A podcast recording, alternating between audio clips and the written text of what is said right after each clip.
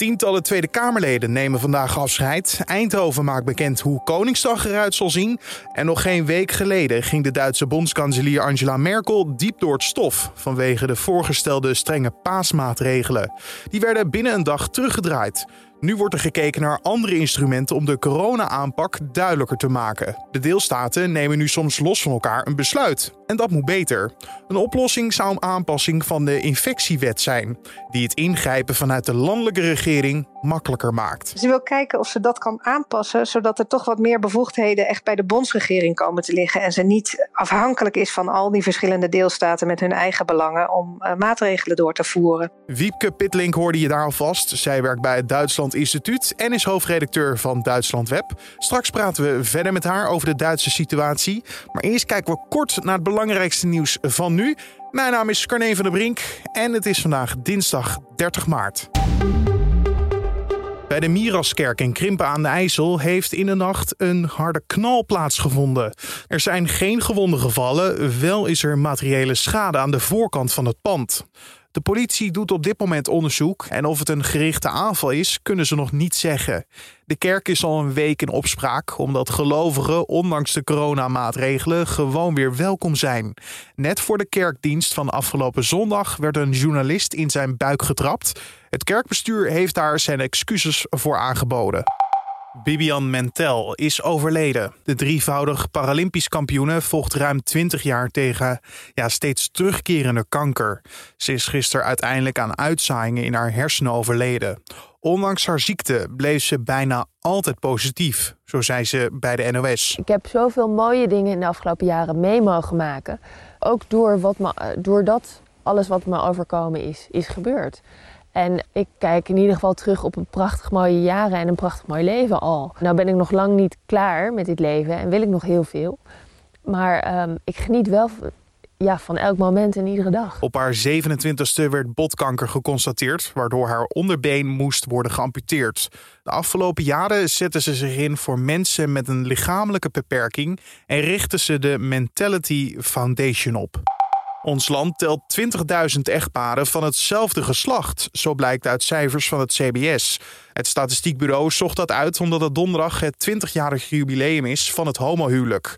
In de afgelopen vijf jaar trouwden gemiddeld meer vrouwen dan mannen.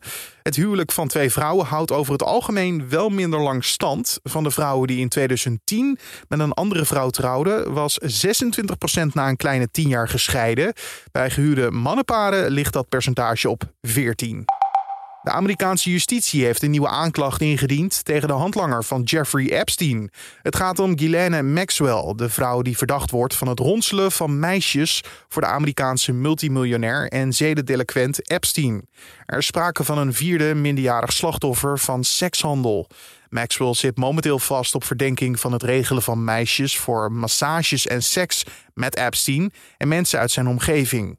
Het begin van de rechtszaak staat voorlopig gepland op 12 juli. Duitsland kent net als Nederland weer stijgende cijfers als het gaat om de coronabesmettingen. De aanpak verschilt echter met ons land. Waar wij vooral inzetten op een landelijke aanpak, kennen de Duitse deelstaten een hoge mate van autonomie. En daarom bepalen zij in sommige gevallen zelf de aanpak. De Duitse bondskanselier Angela Merkel is juist een voorstander van een strenge aanpak en zoekt naar middelen om die aanpak voor en door heel Duitsland te laten gelden. Vorige week stemden ze in met een strikt paasplan. Geen kerkdiensten, winkels dicht, supers alleen op paaszaterdag open. Maar dat schoot in het verkeerde keelgat bij de Duitsers, waarna ze haar verontschuldigingen aanbood. Hoe kon het zo zijn dat Merkel het gevoel van de Duitsers zo verkeerd in had geschat? Dat vroeg collega Julien Dom aan Wiepke Pitlink van het Duitsland Instituut en hoofdredacteur van Duitsland Web. Ja, dat was wel echt opmerkelijk inderdaad. En uh, ja, om te zeggen dat zij naast het gevoel zat. Wat er gebeurde is, uh, ze overleggen dan met de deelstaten en de bondsregering. Dat overleg dat duurt heel vaak uren en afgelopen week duurde dat uh, twaalf uur met onderbrekingen. En ja, ze, ze, kwamen er gewoon niet uit. Om, ze wilden nieuwe maatregelen tegen de oplopende besmettingen afspreken. Maar die deelstaten die hebben allemaal hele verschillende belangen en uh, ze kwamen er echt niet uit. En toen kwam er ineens in dat lange overleg een nieuw plan op, tafel, namelijk om een paaslockdown af te spreken. Dus vijf dagen lang het hele land in rust, alles dicht en iedereen binnen. Dat was eigenlijk het idee. Um, dat hebben ze toen uh, s'nachts aangekondigd. En toen bleek eigenlijk al snel dat dat praktisch niet uitvoerbaar was. Dat is wat Merkel nu zegt, dat uh, haar dat daarna duidelijk werd. Dat het praktisch niet uitvoerbaar was. En dat uh, het heel veel mensen ook heel onzeker maakte, omdat het heel plotseling was. En toen heeft ze eigenlijk de volgende dag gelijk gezegd van nou, dit moeten we zo niet doen, dit gaat helemaal niet. En toen heeft ze het teruggedraaid, heeft ook gezegd nou, ik neem de schuld op me. Ik vraag uh, de burgers om vergiffenis, dus om excuses. Uh, heeft ze aangeboden. En uh, ja. Und um auch ein zweites klipp und klar zu sagen. Dieser Fehler ist einzig und allein mijn Fehler. Maar praktisch onhaalbaar, was het ook echt praktisch onhaalbaar? Of zat ze er gewoon naast en dacht ze: dit heeft zoveel backlash nu gegeven. Ja, dit, dit krijg ik er gewoon niet doorheen met al mijn macht. Ze zegt zelf: um, ze had het er wel doorheen gekregen, want de deelstaten waren het er ook mee eens. En die heeft ze nodig. En die hebben dat allemaal gezamenlijk afgesproken. Daarom is het dus eigenlijk ook helemaal niet echt haar schuld. Al heeft ze de schuld wel op zich genomen, maar van alle 16 deelstaten samen. Um, en ja, ze zegt nu zelf dat het praktisch onhaalbaar was, ook omdat er kwesties ontstonden als, ze noemden het dan een rustdag, maar wat is dat juridisch gezien een rustdag? Is dat een officiële feestdag? Moet je dan personeel uitbetalen wat uh, thuis zit en niet werkt? Dus er kwamen allemaal van dat soort praktische zaken op.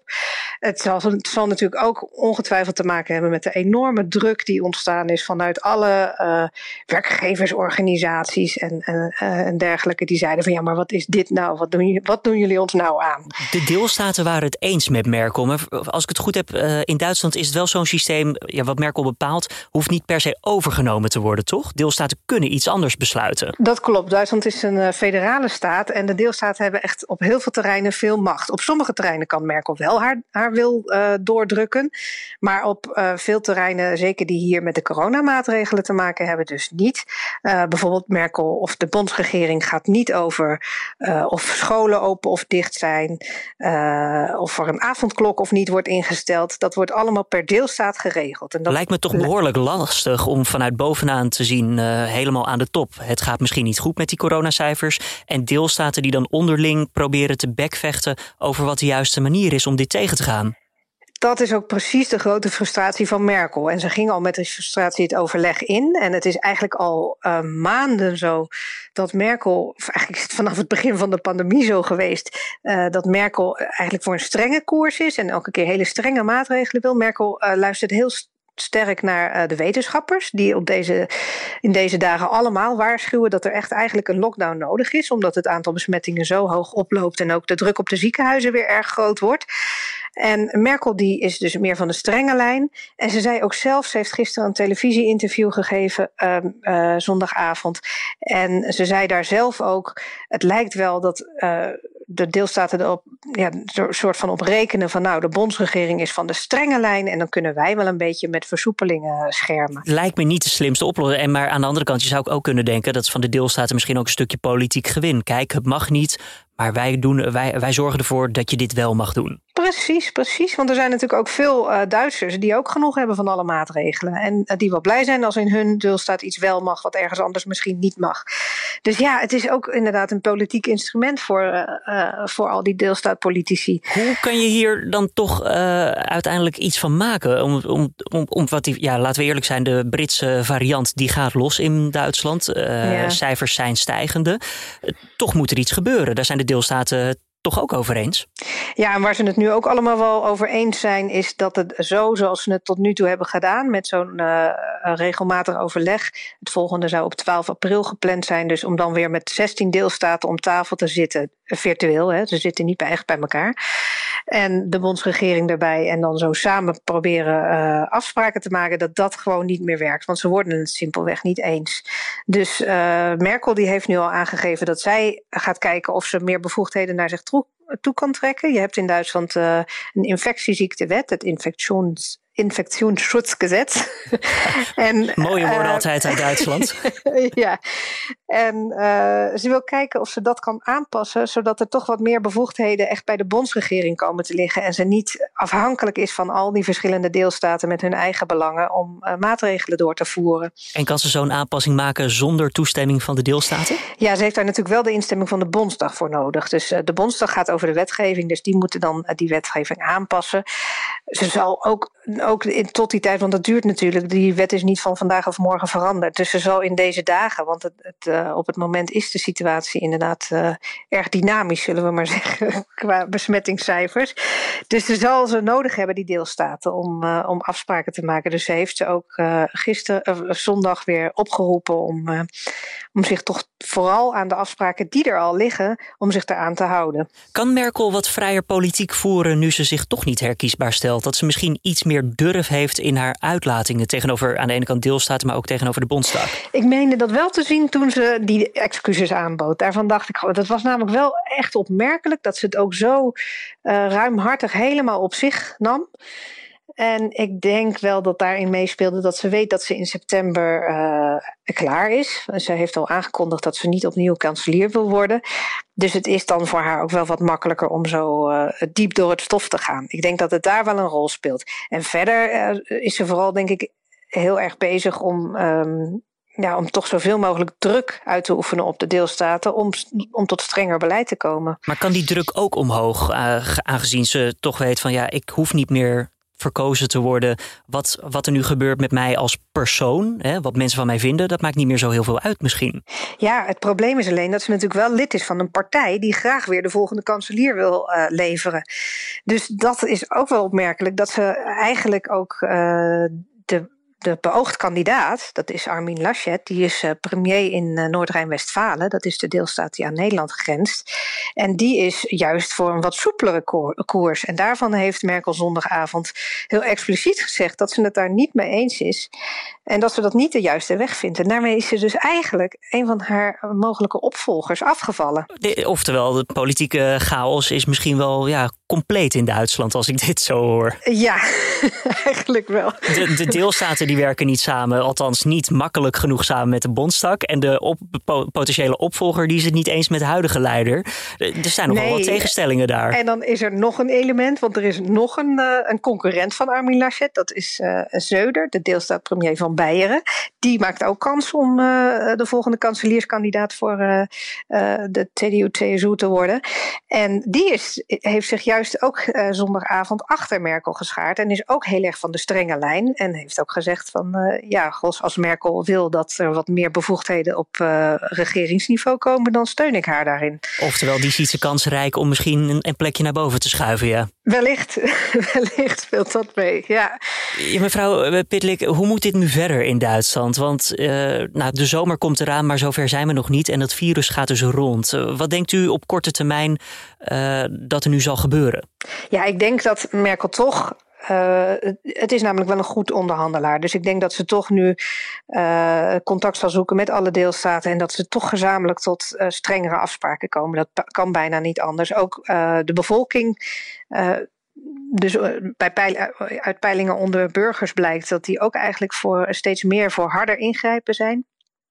Terwijl er tegelijkertijd zijn ook veel mensen het natuurlijk helemaal niet eens met de maatregelen. Er zijn ook veel demonstraties, net uh, als in Nederland, in Duitsland. Maar over het algemeen is uh, steun voor strengere maatregelen is groter. Dus ik denk dat die er wel zal komen. Dat was Wiepke Pitlink van het Duitsland Instituut en hoofdredacteur van Duitsland Web in gesprek met collega Julien Dom. En staat er verder nog iets interessants te gebeuren vandaag? Zeker, zoals dat de Tweede Kamer vandaag afscheid neemt van tientallen volksvertegenwoordigers die niet terugkeren na de verkiezingsuitslag van eerder deze maand. Onder andere VVD-fractievoorzitter Klaas Dijkhoff, oud-PVDA-leider Lodewijk Asscher, D66er Pia Dijkstra en SP'er Ronald van Raak verlaten de Kamer. Woensdag wordt de nieuwe Tweede Kamer beëdigd met erin 59 leden die voor het eerst zijn verkozen. Koning Willem-Alexander en zijn gezin brengen op Koningsdag 27 april een bezoek aan Eindhoven. Door de coronacrisis ziet dat er dit jaar anders uit dan normaal, net als vorig jaar. Toen ging het geplande bezoek aan Maastricht niet door en de stad bedankte dit jaar voor de eer. De gemeente Eindhoven maakt vandaag bekend hoe het koninklijke feestje er precies uit zal zien in coronatijd. En Willem Engel, leider van actiegroep Viruswaarheid, staat vandaag voor de politierechter in Den Haag. Hij moet zich verantwoorden voor opruiing op Facebook en het voortzetten van een demonstratie vorig jaar oktober in Den Haag. Terwijl de politie de demonstranten twee keer had weggestuurd.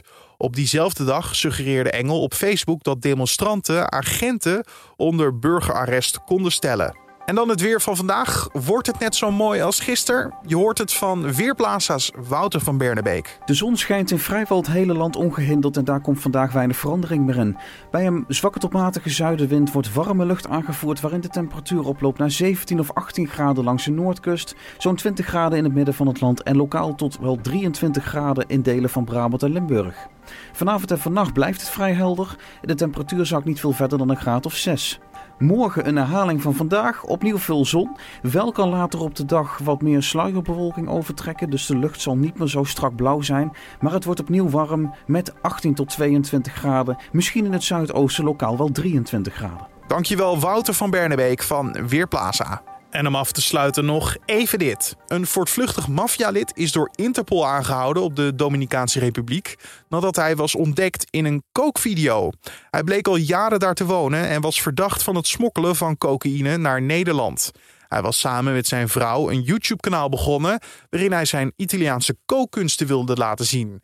Hij probeerde onherkenbaar te blijven door zijn gezicht te bedekken, maar kon door de Italiaanse politie worden herkend aan zijn unieke tatoeages. En tot zover deze Dit wordt het nieuws podcast voor de dinsdag 30 maart.